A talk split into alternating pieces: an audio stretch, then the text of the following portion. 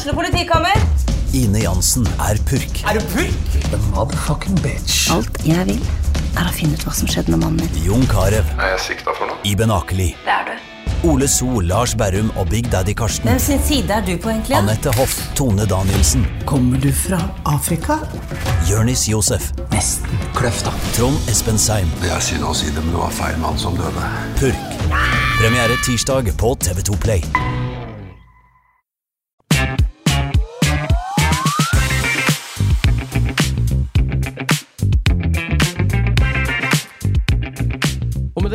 Er det bare å ønske velkommen til en ny episode med På ballen. Jeg heter Jonas Grabseth, og med meg i studio har jeg Patrick Holte. Hei, Patrick. God dag, god dag, Jonas. Det er alltid en glede å se deg blid og fornøyd i studio. Ja, ikke sant? Eh, godt å se deg også. Eh, ny uke, ny episode, og i dag så har vi en, eh, en skikkelig godbit, har vi ikke? Jo, det vil jeg si. Eh, vi har hatt mye spennende gjester, men eh, jeg har vel lov til å tease litt og si at den gjesten vi har i dag, han er, han er faktisk best i verden. Best i verden, det er han. Vi må bare få han rett inn for å, for å komme i gang her. Skal jeg ta en, en liten intro, eller? Ja, det, jeg gleder meg litt til det. Ja, ikke sant? Johannes Stignes Bø.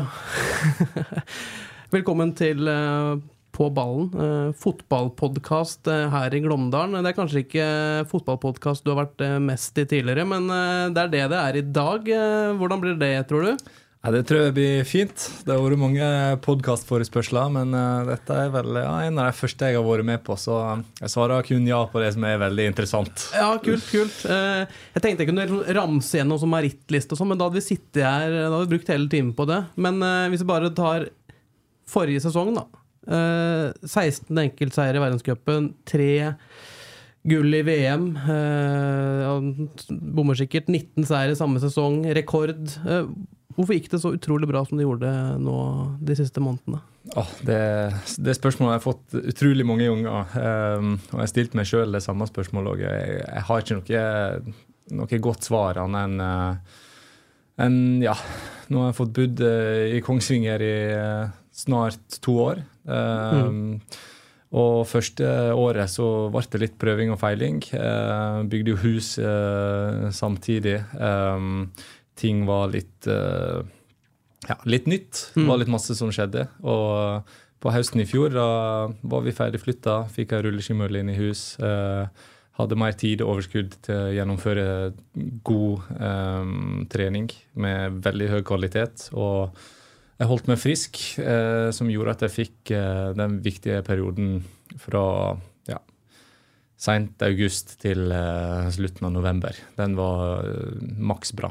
Eh, og da når jeg kommer inn i World Cup-programmet, så er vi jo tre uker på og ei uke av hjemme. Eh, og da syns jeg at ting går veldig av seg sjøl. Så det er det det, at du har fått landa litt på Kongsvinger, som er litt av oppskriften, kanskje? Ja, eh, i fjor Jeg ble veldig god i OL, da, men eh, før på sesongen så var jeg jo ikke så eh, god. Så effekten av å gå rulleski langs Glomma er, er kanskje bedre for de uh, mosjonistene uh, enn det var for meg. Jeg tror jeg mangla litt, uh, litt bakker, litt uh, terreng, variert terreng. Um, og det har jeg fått skaffa meg nå med rulleskimølla. Um, så ja. Det ble litt 'learning by doing', som vi sier på fint norsk. Og eh, ja, veldig godt fornøyd med fjoråret. Og hvordan da står det til med Du har fått spørsmålet mange ganger før, men motivasjonen videre syns vi er litt interessant. For når du har vunnet alt som er mulig å, å vinne som skiskytter, du nærmer deg 30 år, Uh, hvorfor gidder du å gå på dette enda mer? Ja, Det er jo først og fremst utrolig kjekt når det, når det går så bra. Du får mange seire, og det i seg sjøl motiverer jo bare enda mer. For du får liksom smaken på det gode liv, du får smaken på suksessen, og eh, du får betalt for eh, jobben du legger ned. Og da er det masse enklere å gå på en ny sesong. eh, For du har liksom fått påfyll, og du har fått gode gjennom vinteren. Så nå når jeg begynner å trene igjen i neste uke, da da er det på'n igjen. Da legger du sesongen bak deg, og du må jakte nye mål. Og, og det blir jo vanskelig etter fjoråret. Og nå de samme målene tror jeg blir umulig. Um, så det å kunne motivere seg til å, å tatt til takke med et dårligere resultat neste år, det har jeg jo tenkt litt på. Men eh, det kan fortsatt eh, bli veldig bra. Mm. Men trene neste uke, sier du. Det, det er noen uker her du rett og slett ikke trener i det hele tatt? Ja, nå har jeg vært helt treningsfri. Uh, har knapt nok rørt meg i ja, en måneds tid. Så nå kjenner jeg at det begynner å krible litt igjen. Merka det på vekta òg, at den har gått i været. Så nå må jeg snart tilbake igjen. Mm. Ja, Patrick. Hva um, Herlig å ha fått en sånn innbygger hit i Kongsvinger. Og ikke bare innbygger, men en Kiel-supporter. Og det er ikke bare noe han sier, for jeg vet at du har full kontroll på, på Kiel, og du ser kampene, og du kjenner jo laget. Er det ikke sånn? Jo, første året jeg kom inn hit, så fikk jeg jo bare en ja, enorm nytelse holdt jeg på å si, av å flytte til en fotballby. For dette er jo plassen jeg kom til å bosette meg for resten av livet. Og ja, du får liksom ikke i pose og sekk på noen ting. Og Kongsvinger, de har de, de har fotball, og de har en, en, hyggelig liten by i nærheten av Oslo og Gardermoen. Og det er på en måte alt jeg trenger da, for å trives. Mm. Så jeg var veldig glad at Kongsvinger fotball på et lag og tok det tett til brystet. og ja, det blir jo på en måte livets lag framover nå, da, siden jeg skal bli gammel i den bygda her. Um, så første året var det god kontroll. Fjoråret skal jeg innrømme at uh, det ble litt masse med trening, utenlandsreiser på høydeopphold, uh, samtidig med sluttføring av hus. Og, så er jeg en unge på hjemmebane òg, så jeg fikk ikke vært like masse fulgt med som året før. men i år håper jeg å kunne være med på ja, de aller fleste heimekampene. Ja, for nå er det sånn at nå kan vi spørre deg, ja, Hva syns du om kampen mot Kristiansund nå på søndag? Ja, den, Nå ble jeg tatt litt på senga. Jeg sovna litt i deler av kampen Der. men det er egentlig godt nok svar på hva ja, du syns. Ja, men jeg veit jo Du hadde på en måte litt forventninger når du gikk inn til den kampen, og, og det var en ypperlig mulighet Uh, tenkte vel mange å reise til Kristiansund etter to tap for dem. Mm. Uh, et lag i kanskje litt ubalanse, men uh, du ser jo hvorfor de er, er tippa på topp. Det, det, er jo et godt lag å, å møte dem. Jeg spiller, har sjøl spilt kamper på Vestlandet, og det, det, er tøffe tak. Det er noe annet enn klimaet her. Mm. Men det er jo viktig å si for de som ikke kjenner til bakgrunnen til, til Johannes. Så du kommer jo fra ei fotballbygd som har fostra noen av de aller beste fotballspillere i Norge. Du kommer jo fra Stryn? Ja, jeg kommer jo fra, fra Stryn, eller Flobygda, som det heter før. Nå prøver vi å døpe rom om til Bøbygda, da, med ferskeste resultater i minne. Men ja, med, det har vært utrolig mange dyktige fotballspillere, spesielt med etter navnet Flo. Ja, for det, det er ikke til å stikke under en stol det, Jonas, at Tore André Flo inntil de vi har som herrer i Premier League i disse dager, Ødegaard og, og mm. Haaland, så er jo Tore André Flo helt der oppe sammen med Solskjær, Carew. Eh, altså enorm fotballspiller. Og det er godt gjort. 1,90 kommer fra en skråning. Og, utvikle den teknikken. Jeg syns jo det er et eventyr at ei lita bygd som Stryn har hatt en av de beste fotballspillere gjennom tidene. Vi har eh, to av de beste skiskyttere gjennom tidene. Altså, hvorfor får de til dette her i Vesle Stryn? Oh, det er et godt og stort spørsmål, men uh, ja. ja. du kan begynne å lure litt, for fotball og skiskyting er jo på mange måter litt, to vidt forskjellige ting. Det er en lagidrett som foregår på sommerstid, som regel. Uh, og uh, skiskyting er en individuell idrett som er på vinteren. men jeg tror jo at i et godt lokalsamfunn der dugnadsånden står sterk, det er tilbud om forskjellige typer idretter, og, og det er ikke noe Eh, det har ikke vært noe tidlig liksom, eh, satsing at du utelukker andre idretter. Så jeg tror både Flo-familien og oss har vært med på sikker orientering. Og, og friidrett var de gode på. Høydehopping. Det, der hadde de jo høgda på sin side. Eh, så vi har altså vært med på aktiviteter hele veien. Og ja, så blir det jo et skille. En dag går et skille, og da må du velge det ene eller det andre. Og, og det har vært ekstremt moro for oss stryninger. og og ja, hatt både skiskyting på vinterstid og, og fotball da, det, på sommerstid. Men din egen fotballkarriere, Johannes. Jeg veit jo du er interessert i fotball.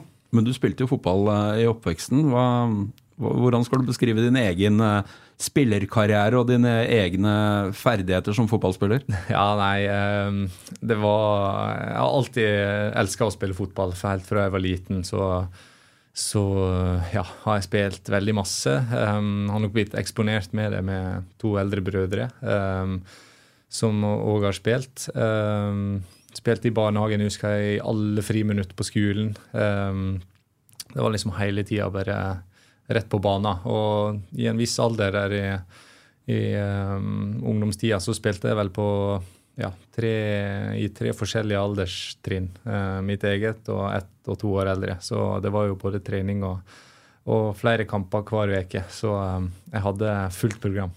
Var du noen gang i tvil om å velge idrett? Kunne, ja. kunne, kunne det ha blitt fot fotball som hadde blitt din idrett, og ikke skiskyting? Uh, ja. Jeg satt uh, i sofaen hjemme kvelden før jeg begynte på videregående. Og da var jeg fast bestemt på å begynne på fotball. Så uh, ja. Mamma og pappa de sa meg litt imot, da, så jeg satt og, og gråt mine tårer for at jeg måtte, måtte høre på dem. Men vi hadde jo et kompromiss der om å, å prøve i en måneds tid. Og så gikk jeg jo på en videregående skole i Stryn, så idrettsklassen. Vi gikk i med fotballspillerne, og, og, halvparten var studiespesialiserende. Så muligheten for å skifte var jo der. Um, og det var jo det var jo veldig greit. Da gjorde jeg mine foreldre fornøyde. Jeg er fast bestemt på å bytte idrett om en måned, måned etterpå. Ja. Men, men, når du vokste opp, Johannes, hvem var dine store idrettsforbilder? Jeg har jo alltid vært en Newcastle-mann. Um, så for meg er det jo Alan Shearer som har vært uh, fotballspiller uh, nummer én. Um, så han var mitt uh, store fotballidol. og så, ja, helt klart Tore André Floen og liksom Det kunne være de som spilte på midtbanen i Stryn. Per Ole Tenden og Jon Terje Kjellaug og andre som du på en måte så litt opp til. Da. Og eh, det er jo klart, det første, første steget for en eh, liten gutt er å komme med på det lokale laget. Eh, enten det er tredjedivisjon i Stryn eller førstedivisjon her i Kongsvinger, så er jo det på en måte drøm og steg nummer én. Og det hadde jeg jo. Og jeg har jo alltid bursdag selvfølgelig samme dag, 16. mai. Det er jo eh, fotball, eh, fotballens dag her i Norge. Så den store drømmen var jo å komme til Tippeligaen og skåre et mål på bursdagen. Det husker jeg var det sterkeste barndomsminnet sånn målmessig. da. Hvor viktig er det å ha sånne idoler som unge, unge gutt eller jente? Uh, ja, det tror jeg er veldig bra på den måten at du har, uh, har idol som oppnår uh, store ting. At de jobber hardt, får de får gode resultat. Eh, og så er det kanskje enda mer viktig enn å ha, ha de dårlige forbildene, som kanskje påvirker deg i feil retning i livet generelt. Så der tror jeg at å ha idrettsutøvere som forbilde, det er, det er en ganske trygg og god, eh, gode forbilder. Nå, nå, er jo du i den posisjonen sjøl, at det er mange som ser opp til deg og din, eh, din posisjon som eh, ja, har deg som idol. Når, når var det forsto at du hadde den rollen, og hvordan håndterer du det? Nei, Det er, det er ikke som jeg har kjent uh, sånn på, men jeg, jeg, forstår jo situasjonen. Og jeg mm. husker jo sjøl når jeg gikk uh, skirenn da jeg var 12-13 år på Liatoppen utafor Gol. Uh, så var Ole Einar Bjørndalen der, og jeg husker jeg hadde et par langrennshansker som var det var umulig å komme inn i det hvis du hadde først tatt deg av deg. Men da sto jeg der i lag med Ole Einar da, og, og, dro av med hansken og, og, måtte liksom bare kjenne på børsa. Så jeg tror ikke han visste at, at jeg tok på den en gang. Men jeg husker det, det var utrolig stort. Og hansken den fikk jeg aldri på igjen etterpå. Um, men det at jeg nå er, på en måte har snart de samme resultatene som Ole Einar opplevde, opplevde samme, det er jo kjempekult å tenke på hvis jeg ser tilbake som meg sjøl som 10-12-13-åring og fram til i dag. Mm, mm. Hva, hva, hva, opptatt er dere som er ledestjernene på, på landslaget til Norge? Altså, det er jo et hierarki. altså du har, du har, deg, du har din bror, du har uh, Altså de, de, som er best da, nå. Hvordan fungerer systemet på skiskytterlandslaget når du kommer inn som ung, lovende sisteårs junior, førsteårs senior? Altså, hva bevisste er dere på å være til hjelp for de som kommer etter dere? Uh, ja, jeg husker jo i alle fall sjøl uh, uh, når jeg kom inn på landslaget, så ble jeg jo tatt inn uh, som er likesinna med resten av laget. Det var lite hierarki, annet enn det som er, er, logisk. Og det er jo at hvis det skal bli diskutert hva økt en skal ha, så er jo den som er første års kanskje sitter litt stille. um, men det er noe helt annet enn det vi har sett på iskrigerne, ishockey. uh, kanskje litt uh, i fotballen, der kanskje de yngste må, må vaske skoene eller uh, vaske garderoben eller sånne ting. Det har vi hatt ingenting av i skiskyting. Og det var jeg veldig glad for når jeg kom inn på lag. Og veldig glad for det at uh, når nye talent og andre unge kommer inn, så kan jeg ta imot dem på samme måte. Da, og Det har jeg veldig tro på. Men er det, er det noen form for noe treningssjokk første gangen han er på elitelandslagssamling? Altså, man skal gå ei hardøkt. Uh, jeg, jeg, leser jo i media uh, man skiller mellom hardøkter og ikke. Uh, hva er ei hardøkt i skiskyting? ja, hardøkt i skiskyting, det er veldig Når folk hører ordet hardøkt, så tenker du at du skal springe en oppoverbakke til du ikke orker mer. og og ja, du skal liksom legge deg ned etter siste drag, og du skal være helt ferdig. Men for vår del er den type intervaller kanskje ja, én av uh, ti intervaller vi har. Så når vi snakker intervall, så snakker vi ofte en slags langkjøring på en uh, mellom en halvtime og en times tid. Effektivt arbeid fordelt på ja, pluss-minus seks drag. Um, så alt fra seks ganger sju minutter til seks ganger ti minutter. Um, med en ja, puls på rundt 170-175. Da, da, får du uh, muligheten til å trene intervall med eh, god hjertefrekvens uten at det tar for masse på kroppen. Sånn at du kan få trent mengdene i dagene før og dagene etter. Da. Sånn at eh, du hele tida får liksom hjula til å gå samtidig som du trener mengde og intervall. Ja, du, vi nevnte jo i, i begynnelsen at du har fått landa på Kongsvinger. Eh, men du savna jo litt uh, de treningsmulighetene som du hadde i Oslo den gangen du kom hit. Eh, hvordan ser det ut nå? Jeg vet at du har fått på plass noe, et monster i kjelleren? Ja, ja bygd en Eller jeg har ikke bygd den, jeg har fått inn en doning i kjelleren ja, som, som bidrar godt til min personlige utvikling der. Men det handler jo for så vidt mest om å bruke de forholdene man har, og ikke klage og tenke for masse på det du ikke har. Det, det er ingen rulleskibane her, men med tidenes sesong så ser man jo plutselig at kanskje det ikke er nødvendig, da, hvis du bruker de verktøyene bra der du har rundt deg. Det tror jeg gjelder på generelt i alle idretter. Mm. Um, men ja, den rulleskimølla ca. 3,5 ganger ja, 3 meter. 4 meter. Mm. Så det tar en del av, av kjelleren, det er det. Men ja, du skal bo på Kongsvinger livet ut, sa du. Eh, men karrieren tar slutt en dag. Hva, altså, har du noen drømmer, vyer om ja, Blir det Tingenes Bø skiskytterskole på Kongsvinger, eller hva, hva, er planene? Nei, Jeg har veldig lite eh, drømmer om å drive med skiskyting etter karrieren. Eh, det har jeg ikke tenkt på engang. Og det har nok hatt litt med at jeg tror han er ganske ferdig som skiskytter sjøl. Uh, jeg tror òg at det er en gnist som eventuelt hadde blitt tent i relativt kort tid i etterkant. Så den framtida kunne nok vært der. Men uh, på en plass som Kongsvinger da, så er jo ikke det helt uh, det enkleste å, å drive med. og det er ikke noe personlig tap for meg heller. det tror jeg skal gå veldig greit. Ta kontakt, Johannes, så skal vi få deg inn i Kiel fotballsystemet. Så kan du være barnetrener for din sønn med, med flere. Ja, men det er jo litt sånn uh, Jeg kommer ikke til å ta på meg noe verv i barnehagen her, men uh, jeg tenker at kanskje i framtida kan vi trener på et lag uh, i barnefotballen der og bidra på den måten. Så alt er hver sin tid.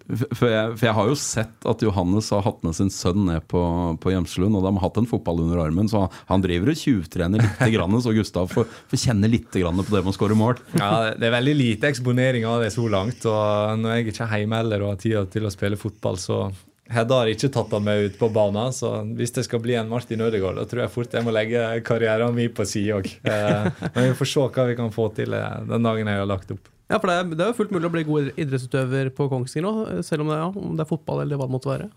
Ja, absolutt. Og uh, jeg håper jo veldig uh, at sønnen min uh, får drive, den personlige og indre driven til å drive med fotball og ville være på fotballbanen hver eneste dag. Det, det må komme fra han og, og, ikke fra meg. Så jeg venter tålmodig. Høres bra ut. Du, jo, du, er jo en familiesituasjon, og så, så er det ikke til å stikke under stol. Vi, vi, ser det jo bare når du går inn her i lokalet til oss. Altså, du har jo blitt en rikskjendis gjennom prestasjonene dine. Hvor mye reflekterer eh, Hedda, din kone, og Gustav, din sønn, over at eh, hvis dere går en tur på Karl Johan, at det er jo mange som vil ha en bit av pappa? Ja, og akkurat det er jo litt uh, kjedelig. Det vil jeg si er medaljens bakside. At du, du er en, uh, en, kjent profil som aldri får gå skikkelig fri. I Norge er det ganske greit. I utlandet òg, selvfølgelig. Da blir du ikke gjenkjent.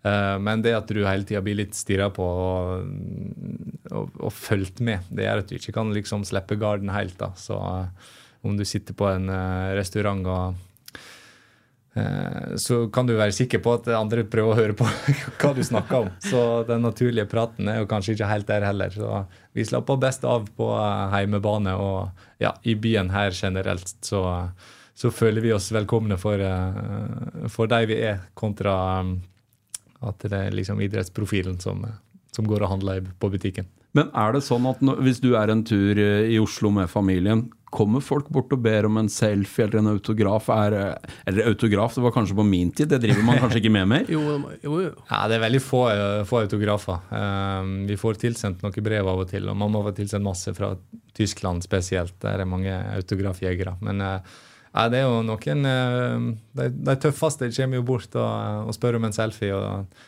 og det, det må jo aldri folk være redde til å spørre. Det får vi alltid til. Eh, men det er vel mest det idet du passerer folk, så kan du høre 'Å, det var Tingnesbø. Han der skiskytteren'. Den type ting, da. Eh, men vi eh, Jeg vil si at eh, det er, er helt sånn perfekt eh, situasjon å være skiskytter i Norge. For du får, du får gått i fred ja, 99 av tida. Mm, og på Kongsvinger så får du stort sett gå i fred. Ja, det, men det er veldig mange som ønsker å gratulere og, og, og slå av en prat. Um, og det, det er jo veldig hyggelig. Så når folk kommer kjørende forbi med handlevogna og sier gratulerer og bare går rett derifra med en gang, det er jo bare sånn Oi, det var jo hyggelig. Men, men det har jo jeg merka òg, hvis vi sitter og diskuterer i eh, sosiale lag, eller det kan være i arbeidssettinger. Eh, Spesielt når Johannes har vunnet et VM-gull eller et, eh, en, har gjort en stor prestasjon. Det er en enorm stolthet her på Kongsvinger at han har flytta hit. Det er nesten litt sånn at eh, jeg føler at Kongsvinger prøver å ta litt æren for at Johannes har vunnet. Og det, det er vel kanskje å trekke det litt langt, men, men jeg opplever at det er en oppriktig ønske fra byen at de er litt stolte over at du bor her og presterer som du gjør. Ja, det blir jo veldig glad for òg, og det har jeg jo skjønt og, og følt på. Eh, så det er jo hyggelig å bli anerkjent for det man gjør, og at man føler at man kan bidra til å sette Kongsvinger på kartet. Eh, for vi, eh, vi vil jo eh, satse på den byen her, vi òg. Vi vil ha en by i utvikling, og vi vil eh, at det skal være en attraktiv plass å, å, å skape ting, at folk vil flytte hit. Eh, så det er jo bare veldig bra at vi har masse å, å spille på.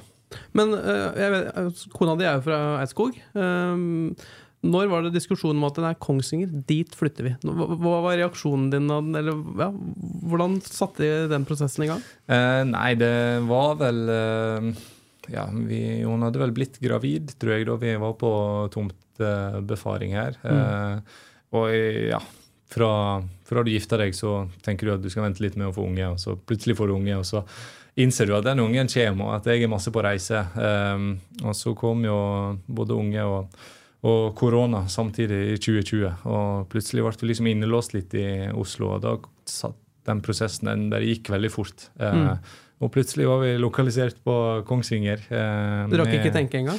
Nei, omtrent ikke. Men det var jo veldig ja, Selvfølgelig for hennes sin del. Eh, veldig enkel beslutning, men òg for meg. Det var ikke noe jeg måtte gi opp eller ofre for å flytte hit. Jeg hadde oppriktig lyst til å flytte hit sjøl òg, så veldig glad for det. At jeg slapp å bli, eh, bli værende og flytte en plass jeg ikke hadde lyst til å bo.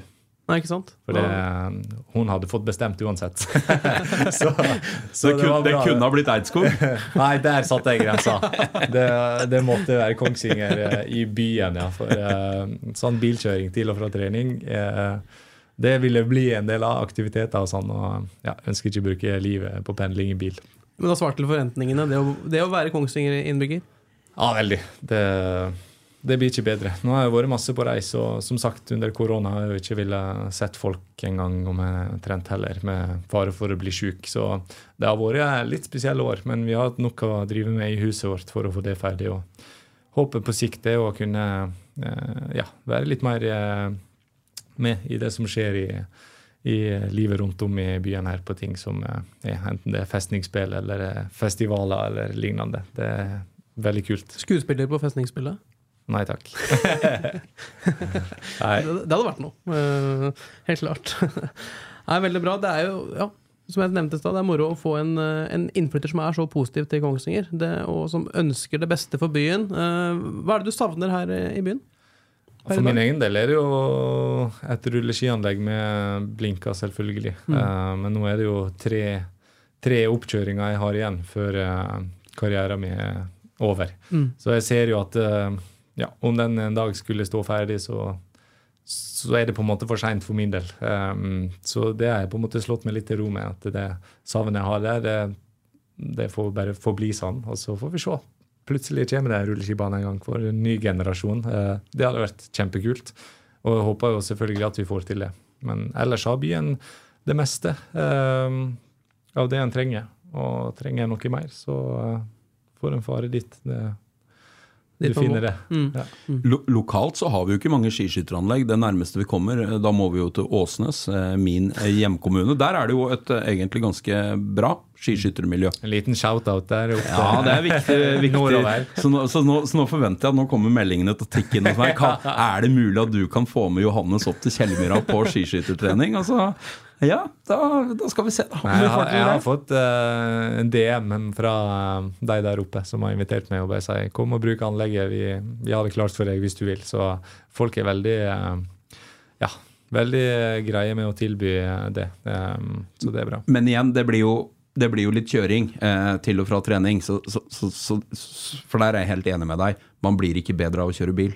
Eh, det er å trene, det er å hvile, og det er å få gjort de dagligdagse tinga godt nok. Og det har du jo beviselig løst svært godt når du kom deg i hus. Uh, så, men, men jeg er jo Jeg prata med Johannes litt på forhånd her. Altså, det som jeg kunne tenkt meg hørt litt mer om, var jo den følelsen, de forberedelsene du gjør når du skal gå et viktig løp. Altså, og spesielt etter du har levert en sesong som du har gjort i år.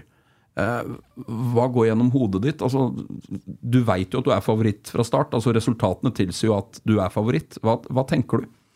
Det er på mange måter lettere å vinne når du har vunnet mange ganger før. For eh, den euforiske følelsen når du vinner, den, den forsvinner på mange måter på sikt. Eh, og det er jo en slags fallgruve for mange. At du kommer veldig høyt opp, og da faller du veldig lavt ned ved neste mulighet. Eh, så jeg har faktisk sett det, at til, eh, til flere seire jeg har fått, det lettere har vært å, å tatt den neste. Eh, du er mindre høytsvevende over det du har gjort, og, og mer innbitt på å repetere. Endre, selv om du vant, endre de få tingene du kunne gjort bedre, og prøve å fikse det til neste løp, og så slå tilbake enda bedre. Da. Så for min del var jeg veldig, eh, ble jeg veldig motivert av å vinne før, men nå er jeg mer motivert av liksom veien eh, i dagene før. og, og eh, ja, jeg har et mål om å vinne verdenscupen totalt, så for meg er det egentlig bare én vei fra starten av sesongen til helt til slutten. Eh, ser meg aldri bakover. eh, trykker aldri på bremsen og kjører bare på til neste. Vi må jo tilbake til England en tur her, eh, Jonas. Vi, han har, Johannes har jo vært inne på det. Han er jo Newcastle-man. Newcastle har jo vært gjennom ganske store endringer på, på eiersida. Eh, det har jo gått fra å være en eh, tradisjonsrik og fin engelsk klubb til nå å kanskje være verdens rikeste fotballklubb. Hva tenker du som supporter rundt det? Ja, nei, det har, vært en eh, Ja. Du har jo selvfølgelig de eh, viktige, men kjedelige dilemmaene å diskutere. Um, og det må jo opp i lyset at det er jo det er jo ikke bra i det hele tatt med de oljepengene og menneskerettighet, menneskerettighetene som blir brutt nede i Saudi-Arabia. Uh, så det er vi jo alle imot. Eh, og skal en velge nye fotballag nå om dagen, så er jo kanskje ikke Newcastle eh, et godt forbilde å velge på den måten. Men for oss som har vært fans i, i alle år, og ja, at jeg ble lurt med til å bli Newcastle-fan av min ti år eldre bror, det jo, har jo ødelagt hele barndommen min. Men nå kommer jo mest sannsynlig glanstida framover. Og eh, ja, før Gustav var født, så spilte jeg jo Champions League-hymnen eh, inntil magen. Men jeg tenkte jo han måtte jo få velge seg et lag som skulle spille Champions League. Men nå kan det hende at det skjer eh, i riktig tid. Eh, han fyller vel eh, har nettopp fylt tre år, så han velger vel lag kanskje i seksårsalderen. Så vi får holde oss i et par sesonger i Champions League nå, så får jeg han med på laget. Men, men det hjelper jo å påvirke å kjøpe en svart-hvit stripete drakt som tilfeldigvis ligger i kleshaugen hans. Ja, det vil nok hjelpe. Foreløpig er det bare Kiel-drakt jeg har kjøpt til han. så han får heller gå der jeg kunne først. Men ja, Nei, Newcastle det har vært eh, det er som de sier, Du kan bytte kone, men du bytter ikke fotballag. Og, og det gjelder jo for så vidt nå òg. Jeg kommer ikke til å slutte å heie på dem med det bakteppet som ligger der, selv om jeg er vel, vel eh, bekymra for at det faktisk går igjennom. Da. Det, er jo på toppen alt blir styrt, så det er jo ikke vi eh, fotballfanser som må reagere. Det må bli reagert lenge før det. Du er jo en av fem søsken. Uh, din uh, eldrebror Tarjei er jo også fotballsupporter, men han holder ikke med Newcastle. Nei, han holder med Manchester United. Så han har jo for så vidt hatt det bedre. Og han var vel uh, ja, ti år i 98-99, da de vant The Treble, eller hva det er han sier. Og um, han prater jo om det fortsatt, så han, han lever ja. på gamle meritter, altså? ja. ja nei, han savna vel sir Alex Ferguson sier han. Så han har ikke fulgt med så masse de siste åra, men det henger jo på greip med resultatet. Og du sa jo nei til Manchester United i sin tid, Patrick.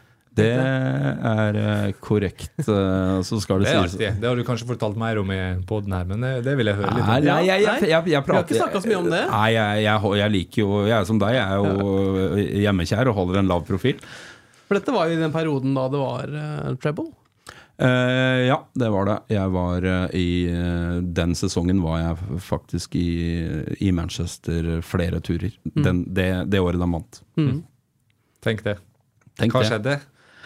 Nei, det skjedde ikke så mye, egentlig. Men det var jo på en tid der Norge òg var veldig gode til å spille fotball sånn rankingmessig. Så det var, det var og, og, det var litt sånn nytt. Det var ikke så vanlig at unge spillere gikk ut av Norge på den tida. Jon Arne Riise hadde akkurat gått til Monaco. Um, så det var um, Det var litt mer um, Det var ikke så stuereint å stikke ut i så ung alder, så det var litt mer press rundt og, om å bli i Norge, rett og slett. Så til slutt så landa vi på uh, gjennom mange samtaler og mange besøk der borte at det var best å bli i Norge litt lenger. Men det har jo vært flere klubber interessert. Vet, hver gang jeg nevner en engelsk klubb at det der og der, ja, da har jeg vært på prøvespill en gang. Var Newcastle på banen noen gang, eller? Eh, Newcastle tror jeg aldri har vært på banen. Ikke, nei, det, det, er jeg helt sikker på. Da hadde for lite penger da til ja, at du nei, skulle da. komme. Ja, nei da. Men er, fotballen, er jo, fotballen er jo så enormt stor, altså, og, og, og, den tida når jeg var ung, kontra til hvordan det er i dag, så er jo det to vidt forskjellige verdener. altså det er så enorme apparater, spesielt i Premier League-klubben i dag. De har jo oversikt. Uh, jeg snakka med noen bekjente i fotballmiljøet nå, og, de belgiske klubbene har oversikt over 14-15 år gamle gutter i norsk fotball. Altså, for det er, Flisa? Ja, det har de også ja. sikkert. De har jo Benjamin eh, Farås fra Flisa. Han er jo i søkelyset nå. Nå er han riktignok eldre, men han viste meg en, en mail fra agenter i Belgia, og dette var 14-15 år gamle gutter fra Østfold som eh, ikke var eh, på noe landslag eller noe sånt nå, men eh, klubbene der nede hadde allerede en viss oversikt over at de var spennende. Mm. Så, så, det er jo et enormt apparat der ute i internasjonal fotball. Så, så kan man jo, forlengelse av det Johanne sier, man kan jo være enig eller uenig i at verden har blitt sånn, at de store penga, og de kommer jo fra et sted. Uh, om det er riktig, uh, så er jeg usikker på om vi tre i rommet her klarer å endre det. Men uh, det, er en, det, er en, ganske gal verden fotballverden begynner å bli. Mm. Mm. Hvordan ser det ut i skiskyting? Altså, ja, det er ikke så mye at man kan lokke med noen utenlandske klubber, kanskje, men hvordan ser utviklinga ut i, i, norsk skiskyting, da, Hvis man går inn og ser på 12-13-14-åringer? Oh, det det veit ikke jeg. Ja. Uh, men det tipper jeg er bra, med tanke på at vi har uh, ekstremt masse bra rulleskianlegg uh, i, i, Norge. så folk har I utlandet er det heller ikke lov å gå på rulleski på veiene. Uh, og når de ikke har rulleskianlegg heller, så går ikke de på rulleski. Og det er jo ekstremt god trening. Så det er jo mm. derfor vi er best vinternasjon i både langrenn og skiskyting. Det er jo fordi vi er eksponerte for eh, det i trygge, gode rammer fra tidlig alder. Uh, så utviklinga vil nok uh, aldri stoppe her. Eh, det viktigste er bare at uh, utviklinga blir holdt på et minimalt eh, nivå i utlandet òg, sånn at vi får konkurrenter og, og spenning i skirenna i åra som skjer framover òg. For det, det er ikke viktig at det er 1000 uh, unger som driver med idrett i hvert land, men uh, du er nødt til å ha fire-fem ekstremt gode utøvere i, i hver nasjon Mm. for at det skal være en god TV-idrett. I, I fotballen så snakker vi mye om kostnadsspørsmålet i barne- og ungdomsidrett nå, Johannes. Hvordan er dette for å klare å ta steget som skiskytter fra du er eh, 10-11-12 år? Altså, man må ha ski, man må ha børse, man må ha eh, Hvor mye preger det en, eh, et ungt talent at du må ha utstyret på plass? Ja, jeg tror det er mange talent som vi aldri får sett i skiskyting, fordi foreldre ikke er innstilt på å prøve det ut, ei heller har økonomi til det. Eh, For der er det masse dugnadsbasert. Det koster å reise på skirenn, det koster med nye ski og staver og våpen, ikke minst, ammunisjon. Eh, I tillegg må du være med ungen din på trening. Eh, Det er kaldt, ungen fryser, du må hjelpe å lade magasiner. Eh, så det er ikke en halvidrett der du server ungen inn på vinterstid og sitter og drikker kaffe med de andre fedrene. Jeg er jo litt mer interessert i, det, i den for min egen del, men du er, du er rett og slett nødt til å ha et apparat rundt deg, og derfor tror jeg det er ekstremt mange talent som er ekstremt gode fotballtalent. De vil òg være et naturlig talent i all type idrett, Uh, men at de aldri får prøvd seg fordi ja, det er lettere med et par fotballsko og, eller at du spiller innendørs fotball. og Sånn som fotballen er blitt nå. Uh, mer enn da Jeg skulle til da vi var unge, men um, da um, var det jo Nå er det jo mer tidlig spesialisering. Um, og det er nok største forskjellen. at eh, Før begynte du kanskje med spesialisering på ungdomsskolen, og sånt, men nå er det jo lenge før. Men ta din egen oppvekst, da. Altså, du er en av fem søsken. Eh, Du har en eldre bror som har gått hele veien som skiskytter. Var det flere av søsknene også som satsa skiskyting, bortsett fra dere to? Mm, ja, det var han eh, eldstebroren vår. Han eh, gikk vel ett skirenn og bomma fem skudd og slutta. Så han hadde en kort karriere. Han var veldig god i, i fotball. Han prøvespilte vel for Brann òg, tror jeg. Eh, så han hadde på en måte Han var fotballspilleren av oss. Eh, og nå er han et revisorhaud som er ja, sikkert topp ti i Norge. Han er bare ekstremt smart. Så um, førstefødte der, han var en, en smarting. Uh, nummer to, hun uh, vant sølv på stafett i hovedlandsrennet når hun var 15. Og det tilsvarer på en måte NM da, i den aldersgruppa. Uh, men det var jo på lag med to som senere kom på landslag. men hun sa jo det til Terje at det der kommer du aldri til å klare! Um, men det har jo både Terje og meg oppnådd i senere tid. Og så har vi en, uh, en yngre bror som er tømrer, som òg har konkurrert litt fram til han var en 16 år. Um, og så gikk uh, tømrerlinja, og nå er han tømrer i Oslo. Men betydningen av din karriere altså, Du, jo, du har, må jo ha hatt noen foreldre her som har stilt opp helt enormt. Altså, det skal smøres ski, det skal kjøpes ski, det skal, eh, som du var inne på i stad. Hvordan, eh, hvordan har foreldra stilt opp for deg i oppveksten eh, i forhold til idretten? Uh, ja, det er jo det først sånne ting en forstår når en har vokst opp uh, sjøl. Så, uh, så så jeg jo at mamma og pappa de for jo aldri på ferie uten oss. De, eh, de eh, ja, var aldri på festivaler, eller de var aldri De ofra liksom alt for oss, og så var de hjemme. Pappa var bonde, så det låser jo litt av programmet. Mamma fysioterapeut, og de var veldig opptatt av at vi skulle drive med utendørsidrett. Så det var på en måte hovedgrunn nummer én til at vi gikk på ski på vinteren kontra skulle begynne med håndball. Det var for å frisk luft og, og den type ting. Um, så de ja, fylte opp bilen, lasta inn med utstyr og ordna det. Og de har, eh, og mamma spesielt, har en enorm kapasitet.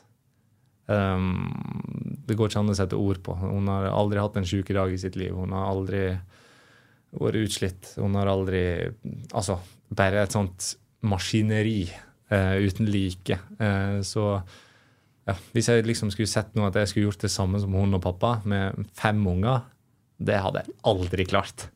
Så du er totalt avhengig av noen foreldre som har, gir bånn gass for deg sjøl, og som bare ikke har lyst til å drive med eh, ting for sin egen del, men rett og slett bare legger det på si og prøver å hjelpe ungene til å bli, være med på ting. Da.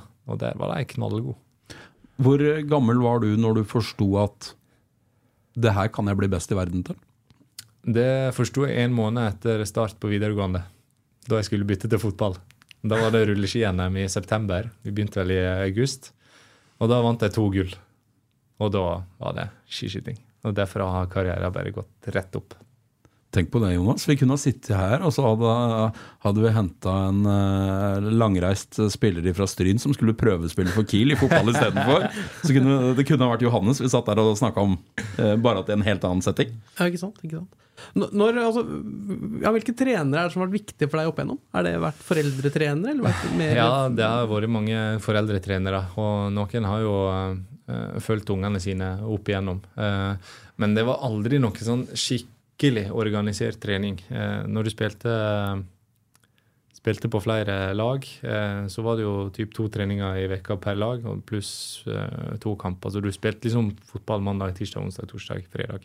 Mm. Um, og da var det jo um, ja, litt organisert uh, trening, men det var aldri noe som jeg liksom Jeg skjønte aldri hva som skulle til, eller det tenkte jeg aldri på heller, for å bli en god fotballspiller. Jeg bare spilte likte å spille fotball. Mm. Eh, gjorde det vi gjorde på trening. Når vi hadde intervall, så elsker jeg For jeg var en av de som sprang lengst eh, og best. Altså, jeg likte hard trening og fotball. Det, da kan du velge sjøl hvor hardt du vil drive mm. på. Um, så ja, jeg, når jeg ser tilbake på det nå og ser eh, lagbilder og sånn, så ser jeg jo at eh, jeg var veldig liten og sped. Og eh, det hadde nok òg masse med å gjøre med at valget gikk på skiskyting. For hadde jeg vokst to år i forveien og blitt like stor og sterk som de andre, da hadde jeg vært masse bedre i fotball. Og da ja, hadde jeg nok tatt en bedre overgang da, fra småguttefotball til, til guttelag. Mm. Mm. Uh, I, i skiskyting, da, når var det på en måte du fikk en ordentlig trener inn der? Uh, det var første året på videregående. Mm. Så alle åra før så var det foreldre som, uh, som var med. Og det ja, var vel uh, første gang han var skikkelig trener. Han, han hadde vært skiskytter før. Uh, var vel 32 år. Han hadde sikkert gitt seg for noen år i forveien. Mm. Uh, og det var rett og slett kjempebra. Så på en vanlig videregående Stryn så var vi beste årskull på når jeg gikk i tredje klasse på alle tre årskulla. Da var vi beste skiskytterskolen i Norge. Så slo NTG, vi slo, slo alle. Så vi hadde et miljø der. Og uh, nå har vi jo ei ny ei som er kommet på landslag, Maren Hjelmeset Kirkeide, som òg har gått på videregående i Stryn og, og, gått på formarkene i IL. Så der er nå litt uh, utvikling videre. Vi må snakke litt om Kiel også. Det er jo fotballpodkast. Det er jo det som vi interesserer oss mest for. Selv om det er uh, også veldig spennende med skiskyting. Da. Min skiskytterinteresse har jo vokst enormt etter man fikk Johannes Sines Bø til Kongsvinger, og det tror jeg også um, ja, gjelder mange andre her i byen. Uh, men litt om Kiel. Uh, det ble tap mot Kristiansund, Patrick. Johannes sovna litt ute der. Var det sånn? ja, jeg hadde hatt en uh, Ja, jeg vet ikke helt hva som gjorde det, men uh, jeg skulle legge meg på sofaen uh, for å, å, se litt fotball. Det, det, er ikke ofte jeg spør Hedda om å få litt fri, men når det er Kiel skal spille, eller det er en annen fotballkamp, da, da sier jeg at nå må jeg legge meg ned på litt. Men da, da sovner jeg litt av, dessverre. men ja, nei, det, det ble tap, ja. Mm. Men uh, ny sesong for Kiel. Uh, ja, Idet din uh, sesong tar en, ja, går, mot en avslutning, så kommer fotballen i, i Norge i gang. Kiel spilt tre kamper. Hva, ja, hvordan har du opplevd seriestarten til Kiel så langt? Nei, jeg syns Den første kampen den så jeg vel én omgang av nede på Bryne, og det, det um, Ja. Der er det fordel å være heimelag med vinden ja. på gressbane. Så at det endte som det gjorde. Det var veldig uheldig overtidsskåring på slutten der. Um, men det er sånn som skjer. Og ja, kanskje litt dumt å få de første serierunde der nede. Men uh, på heimebane veka etter så var det jo en, en solid seier. Og ja, Ser ut som Kiel har signert en Messi som bare tar ballen på midtbanen og forserer framover og skårer mål. Så nei, det, det, er fint å Når Kiel spiller bra fotball, det, da er det en fryd å være på Hjemslund. Mm, for tilnærmingen din til det er på en måte at er, ja, du kobler av. Du, du får deg noen uh, ja, ja, du ser på Taylor og, og nyter uh, underholdninga. Absolutt. Og det er veldig få ganger jeg klarer å koble vekk ja, enten familie eller at du burde handle hva skal du ha til middag, den type ting. Mm. kombinert med skiskyting. Hva, hva burde jeg trent uh, i stad når jeg ikke trente? Hva skal jeg trene i neste uke? Når må jeg reise, pakke bagen? Uh, og akkurat når jeg er på fotballbanen, så da klarer jeg liksom å følge pasning for pasning uten å være andre plasser. Så det er nok noe av det jeg liker best med å, å se fotball live. Mm. Men altså, ja, lagidrett kontra individuell idrett, det som du driver med. Da, hva, du ønska jo å bli fotballspiller eh, da du var 17 år, som du sa. Eh, var det litt med lagidretten som lokka deg, eller hva er det med det å være individuell utøver som du savner litt? sånn sett? Ja, det var jo et valg på en alder der du må enten satse alt med alt du har, og mm. legge all tid og kraft i å bli bedre i det du går for, eller så var det å kombinere skolesatsing med å spille tredjedivisjon i Stryn. Ja. Og være på trening med vennene. Eh, sitte i garderoben og le og flire. Da, da, hadde jeg nok mest sannsynlig ikke hatt et mål om å bli best i fotball, men hatt et fint liv. Spilt fotball, gått på videregående, og så liksom bare sett litt hvordan, hvordan ting hadde gått etter det. Og, og jobba i revisjonsbyrået til storebror? Ja, nei, jeg har ikke den hjernen, dessverre. Um, så ja, nei, det var Jeg var veldig glad for det valget som ble gjort, og jeg tror mm. den største forskjellen ligger vel ja, typ i den alderen, da. Eh, når du går fra lokalfotball eh, om å velge det til å gå for individuell idrett, så ser du at du kan, du kan eh, være ansvarlig for egen suksess, mer enn at du kan dra med lokalfotballen til nye høyder. Men hvis du spiller på et lag i Eliteserien, eh, Premier League selvfølgelig, da, da, jo, da må du være så god individuelt i tillegg. Du må jobbe beinhardt hver dag for å være i laget. Um, så det var nok sikkert den tryggheten jeg fant i skiskytinga med å være liksom ansvarlig for egen, um, egne resultat og eget liv, som på en måte gjorde at jeg, jeg hadde større tiltro til det enn å, å ja, være med i fotballen. Mm. Tror du det, Patrick, at um, likheten, forskjellen mellom det å lykkes som individuell utøver og det å lykkes som Kiel-spiller, er det en større likhet enn det vi ja, i utgangspunktet tror? Eh, jeg tror det, fordi jeg tror de spillerne som lykkes i et fotballag, sjøl om du er en del av et kollektiv, de har ofte tatt ansvar for egen utvikling. Altså, du tar tak i egne utviklingsmål, ja. og så blir jo de satt inn i, uh, inn i, laget. Men jeg tror de spillerne som lykkes best, er ekstremt rå på å prioritere. Uh, spesielt det med søvn, hvile med mer. Og i tillegg klarer du å definere sine egne utviklingsmål, som igjen blir til, Du tilfører laget mer, da. Så jeg tror de spillerne som lykkes fullt ut. De tror jeg har litt av det samme fokuset som Johannes har i sin trening. Selv om han er ansvarlig for egne resultater, så tror jeg de, de beste spillerne har det i fotball òg. Mm. Ja, jeg tror den største utfordringa i et sånt lag som f.eks.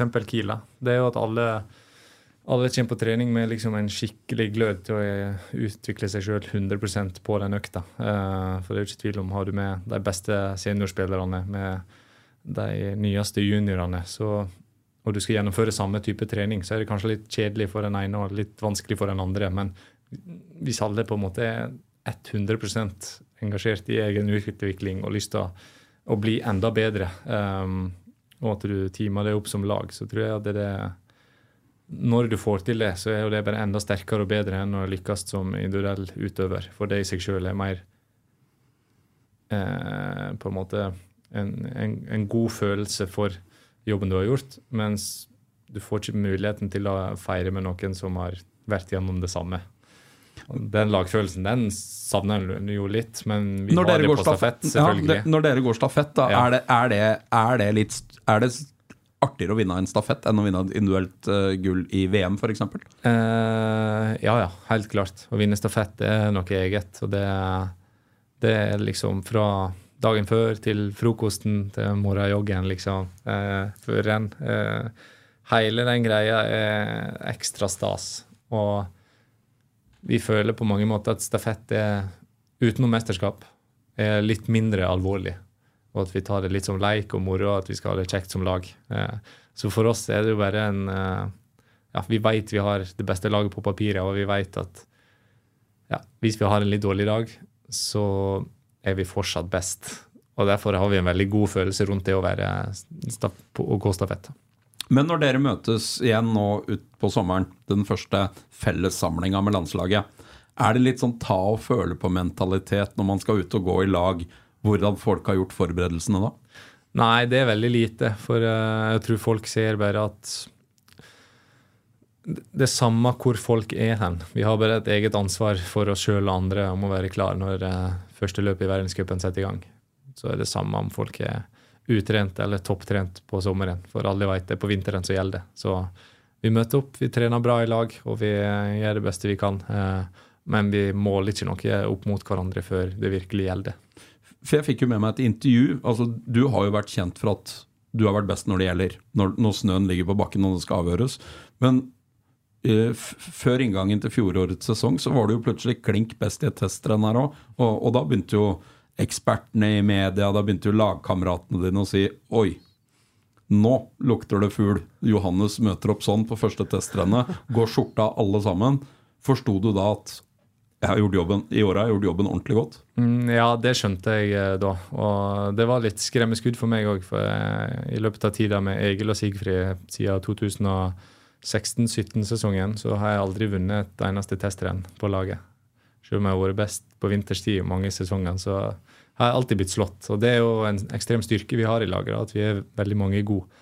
Men da eh, vant jeg, og, og syns at jeg ja, på den tida så vet jeg at formen òg kommer til å øke utover. Men jeg vant og ja, tenkte at OK, jeg skal bli litt bedre enn det her òg, så det lover veldig godt. Um, så godt å kjenne på det tidlig. Hvis du kunne velge, Jonas, hvis du hadde satsa skiskyting, og så hadde du kunnet velge mellom å være han som gikk ifra alle på ski, eller om du var han som alltid skøyt fem rett ned, men du kunne ikke være best på begge deler, hva hadde du valgt? Oi. Jeg går fra alle på ski, tror jeg. Hvorfor det? Nei, jeg tenker tilbake til sånn Lars Berger og sånn, som eh, bomma på, bomma på, veldig mye, men vant innimellom. Det, man treffer jo til slutt. Jeg, jeg, jeg, tenker jo det, altså du, jo, du, er en god skytter, men du er ikke best i skiskytter-world cup på skyting. Nei. Men du er best til å gå på ski. Uh, jeg tenker jo litt sånn at når du står på start med Johannes Stignesbø, så veit jeg at jeg må i hvert fall fylle, for han går ifra meg på ski. Ja. Så vi er litt avhengig av at han mislykkes, skal jeg klare å vinne. Det er da du stresser litt, kanskje? Ja. Ja, men det er jo den største styrken som jeg har. Det er at jeg har den skiforsen som gjør at jeg kan, eh, kan styre litt løpet mer enn kanskje andre. Mm. Um, og det er jo òg en, en um, suksessfaktor her. For jeg har sluppet å tatt like masse risiko som andre på skytebane. Har det alltid vært sånn? Uh, nei, for når jeg ikke har gått fortest eller vært i dårlig form, så tar jeg mer risiko på skytebanen for å innhente tid. Mm. Og da er risikoen større for å bomme. Og der har du skiskyting, da. Så det å være beste langrennsløperen, det er en kjempestor fordel. Hva er, hva er, det med Er det skyting du, du, ønsker å bli, slett, bli bedre på? Er det det, det du har mest ja. fokus på i treningshverdagen, sånn, eller hvordan henger det sammen? Ja, selvfølgelig vil du jo bli best eller bedre på det du er svakest på. Mm. Um, men sånn for min del her så har ikke jeg det, det anlegget som vil bidra til det, eller den utviklinga. Så nå er jeg egentlig fast bestemt på å prøve å, å ja, trene ekstremt bra, så jeg kan være i like god form neste år. Mm. Og så får jeg bare håpe at skytinga er like bra. For jeg klarer ikke gjøre den skytejobben som andre får gjort, eller har rulleskianlegg. Eh, og går kombinasjon rulleski og skyting fem dager i veka. Så på sommerhalvåret så skyter du jeg skyter veldig lite. Skyter på samling og noen ganger utenom. Men når du må ta på deg joggeskoene og, springe på gamle rulleskianlegget på seter, så, så uh, er ikke det lett å få timer ut av det. Tida går utrolig sakte. Jeg føler kvaliteten er ikke 100% Og ja, da gjør du det mer for å ikke få dårlig samvittighet for at du ikke gjør noen ting, enn at du faktisk tenker at dette her blir skikkelig god av. Her lukter det at Johannes må ringe meg, så, så, må jeg ta han med i bilen opp til Kjellmyra. Sånn at han får uh, gått på ski og får gjort skytinga si. Og så får jeg stille som, da skal jeg stille som sjåfør. Oi, oi, oi. Høres bra ut. Da, da, jeg- luksus. Da tar vi med en mikrofon nå, tror jeg. For det. ja. Men, men det er veldig viktig at jeg skal ikke da gå på rulleski sjøl og skyte. Jo, for da kan jeg, da kan jeg kjøre det- tilbake igjen. Ja, da kan du kjøre tilbake. For det, det imponerer meg nå enormt, da. Når man ser at du kanskje må hente noen sekunder i sporet. Eh, fordi at det er helt avgjørende inn til siste skyting. Så kommer du inn kanskje med litt høyere puls enn du egentlig er komfortabel med, men du har ikke noe valg. Du må ta en sjanse. Og så tenker jeg, når skjelven kommer, for den kan komme, hva fryktelig jobb det er å stå der og få kontroll på eget hode når alt stritter imot. Ja. Men det Ja. Det er jo um, noe som jeg har lært de siste to åra, kanskje. Det er jo å ta konsekvenstenkinga i forkant. Så er du på vei ut på en siste runde og du vet du skal skyte om gull, eller at det er viktig, så, så prøver jeg å forestille meg sjøl at jeg kan bomme tre, og at det kan hende at dette går skikkelig dårlig. Det kan hende jeg får skjelven. Og prøver å framprovosere det tidlig på runden, sånn at jeg har eh, har fem minutter og tenker gjennom de tankene og blir ferdig med det adrenalinet som kan sette kroppen ut av spill. Og Det har gjort at jeg har lykkes masse bedre på en siste skyting. For alt har liksom vært Jeg har utsatt meg sjøl for de verste tankene i forkant. Og da har det vært masse lettere å kunne fullføre der, i stedet for at du skal prøve å skjule eller skubbe vekk de tankene. For de kommer uansett, så du kan like gjerne Eksponere deg for dem, ja. Ja, før eh, de eksponerer deg. Ja. Nei, men eh, altså Jeg tenker jo at eh, det gir meg mening, da. Eh, For jeg tror jo det er litt det samme Ta en straffekonkurranse i fotball. Noen må bomme. Altså Det er samme som skiskyting. Noen må bomme. Alle, Ja. alle kan ikke komme likt i mål. Eh, og, og ha utsatt hodet for noen prosesser. Det er det er en del av prosessen at ja, det kan hende at det er jeg som bommer. Men at man da er forberedt på at det er større sjanse at det går bra. Vi må prøve å, å runde av litt her. Vi nærmer oss eh, timen, eh, gutter. Um, veldig hyggelig å ha deg her, eh, Johannes. Litt fotball, litt skiskyting. Jeg tenkte vi, vi må avslutte med litt fotball, for det er jo det som er temaet her i podkasten. Um, Kiel, ja, litt luggete sesongstart. Hva er det som må til for å snu det, tror du? Med en seier mot Hødd nå på søndag? Ja, det, jeg tror å få Gjemselund til å, å bli et fort, som det uh, ofte har en tendens til å bli, det tror jeg er veldig viktig. Og det å få en uh, andre seier på rad på hjemmebane, det tror jeg kan være definerende for uh, sesongen og en, en trygghet videre. Så den kampen blir, blir viktig. Det blir nok et Hødd- Hødd-lag som kanskje ja, spiller langt. Uh, 5-5-0-formasjon. Ja, så um, jeg får håpe at de finner liksom um, Finner roen med ball og, um, og klarer å, å hjelpe hverandre til å komme seg framover på banen. Tenker jeg noen sånne worst case-scenarioer, kanskje? Kan det være et godt tips? Uh, jeg tror ikke det vil hjelpe dem så masse i den kampen, for uh, de vil nok uh, være det førende laget. Og da er det jo Da er du nødt til at alle på laget ja, gir 2 ekstra, da. For å finne det rommet mellom midtbane og forsvar, så du får flytta spillet opp og skaper sjanser. For eh, Hødd er vel et duellsterkt lag, så de vil vel eh, ha innlegg mer enn en, eh, veispill. Hva tror du, Patrick? Hødd på søndag?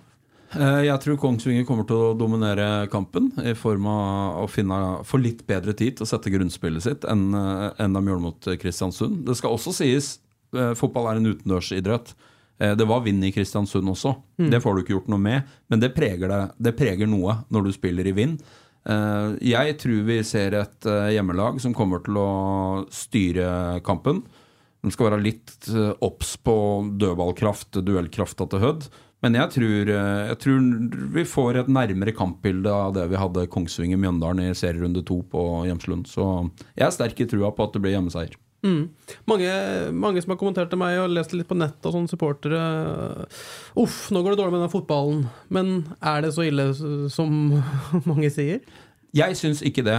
Eh, hvis du tar de tre kampene som er spilt nå, skulle du ha satt opp de på forhånd, så er vel kanskje det eneste som er litt grann eh, under pari, er jo at det ikke ble poeng i første serierunde mot Bryne. Det ble oppskriftsmessig seier hjemme mot Mjøndalen.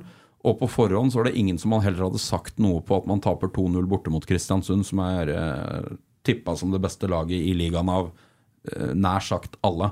Så, så det er marginer eh, som gjør at Kongsvinger ikke er omtrent akkurat som forventa.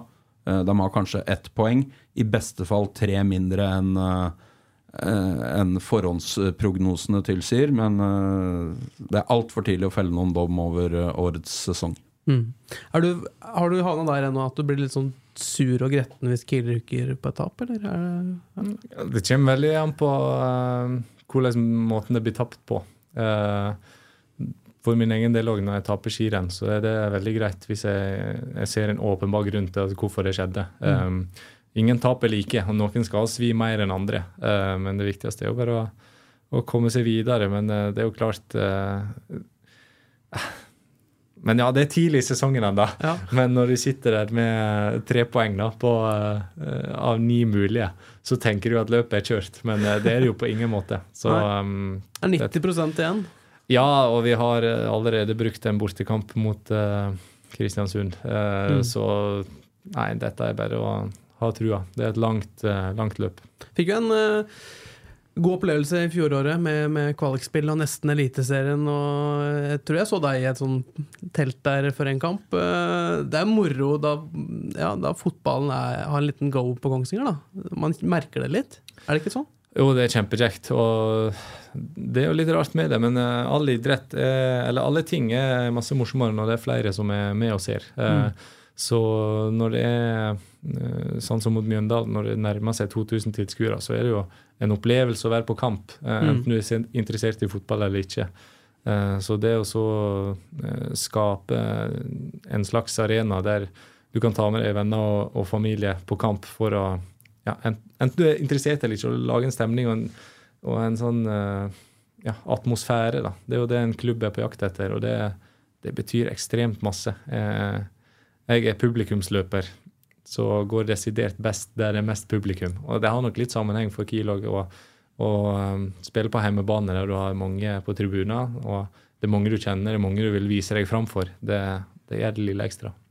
Og du er på tribunen nå, det gjør jo litt ekstra Ja, jeg prøver jo det, da, men jeg tror ikke at de skal tenke for masse på det. Eller, eller at de bryr seg om det. Det tror jeg heller ikke. Men jeg er jo der fordi jeg er interessert, og at jeg har så lyst at de skal spille bra fotball og vinne kamper. Ja, for Hvor viktig er det for en by som Kongsvinger, eller hele regionen egentlig? Altså, tenk hvis man kunne fått et eliteserielag her igjen. Det hadde jo vært enormt.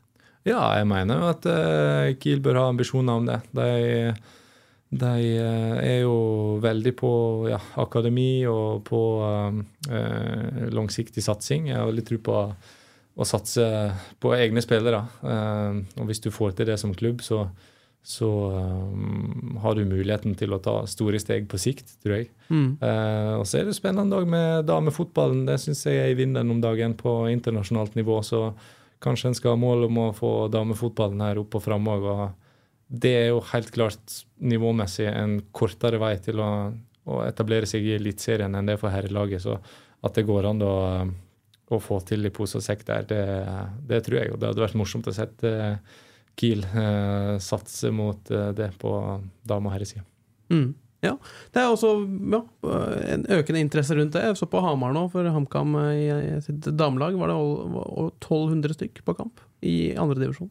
Ja, det er jo i vinden som aldri før. Og eh, nedover Europa så begynner det å bli big business i forhold til både publikum. Det, kommersielt begynner det også å virkelig ta seg opp. Det gjør det i Norge òg. Jeg så en oversikt over eh, toppserien for kvinner der gjennomsnittsbudsjettet hadde gått fra 6,5 million per klubb i toppserien til nå å ha et gjennomsnittsbudsjett på jeg husker ikke om det var 11,5 eller 12,5 million. Så det viser jo Prosentvis er jo det en enorm økning på kort tid. Ja, ja da er man eh, ja, De minste budsjettene i Obos-ligaen er vel rundt det nivået. Så, man, så det er fortsatt en lang vei å gå, da.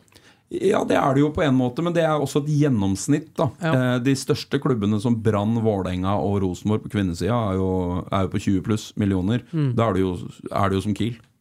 Ja, ikke sant? Ikke sant? Ja. Du har jo mye tanker om det her, Johannes. Er fotballen er den neste karriereretning? Ja, jeg begynner jo å se, eh, se enden, eller lyset i tunnelen, holdt jeg på å si. Det det Eh, Når uh, skiskytinga er over, så må jeg finne på noe annet. Og pendling er uaktuelt for min del. Eh, det er klart det blir sikkert et og annet oppdrag i inn- og utland. Eh, men eh, ja, da må jeg finne meg noe her på Kongsvinger. og Usikker på hva det skal være. Men, uh, ja, ja, kanskje jeg skal være med, med podkastprogrammer her, men eh, Da tror jeg jeg må legge om dialekta, så folk ikke hadde blitt dritlei av å høre på meg. Nei, Jeg så din eh, tidligere lagvenninne er, eh, jobber litt i radio nå. Jeg synes jeg så noen bilder av Tiril Eckhoff i noe morgenradio for Radio Metro her. Ja. Så, så det, er jo, det er jo muligheter. Det er absolutt muligheter. Men ja, å jobbe i uh, Kiel, jo, eller med sport, Ja. med utøvere som har lyst til å utvikle seg og, ja, i fotballen, eller om det er NTG, eller Det hadde vært veldig kult. Og det er veldig mange hyggelige i Kiel-systemet. Så uh, kunne lett våre kollegaer med hele gjengen. Så eh, absolutt uh, veldig godt øye for, uh, for klubben. Og det kunne vært morsomt å se hvor det gikk hen eh, i åra som kommer. Helt klart.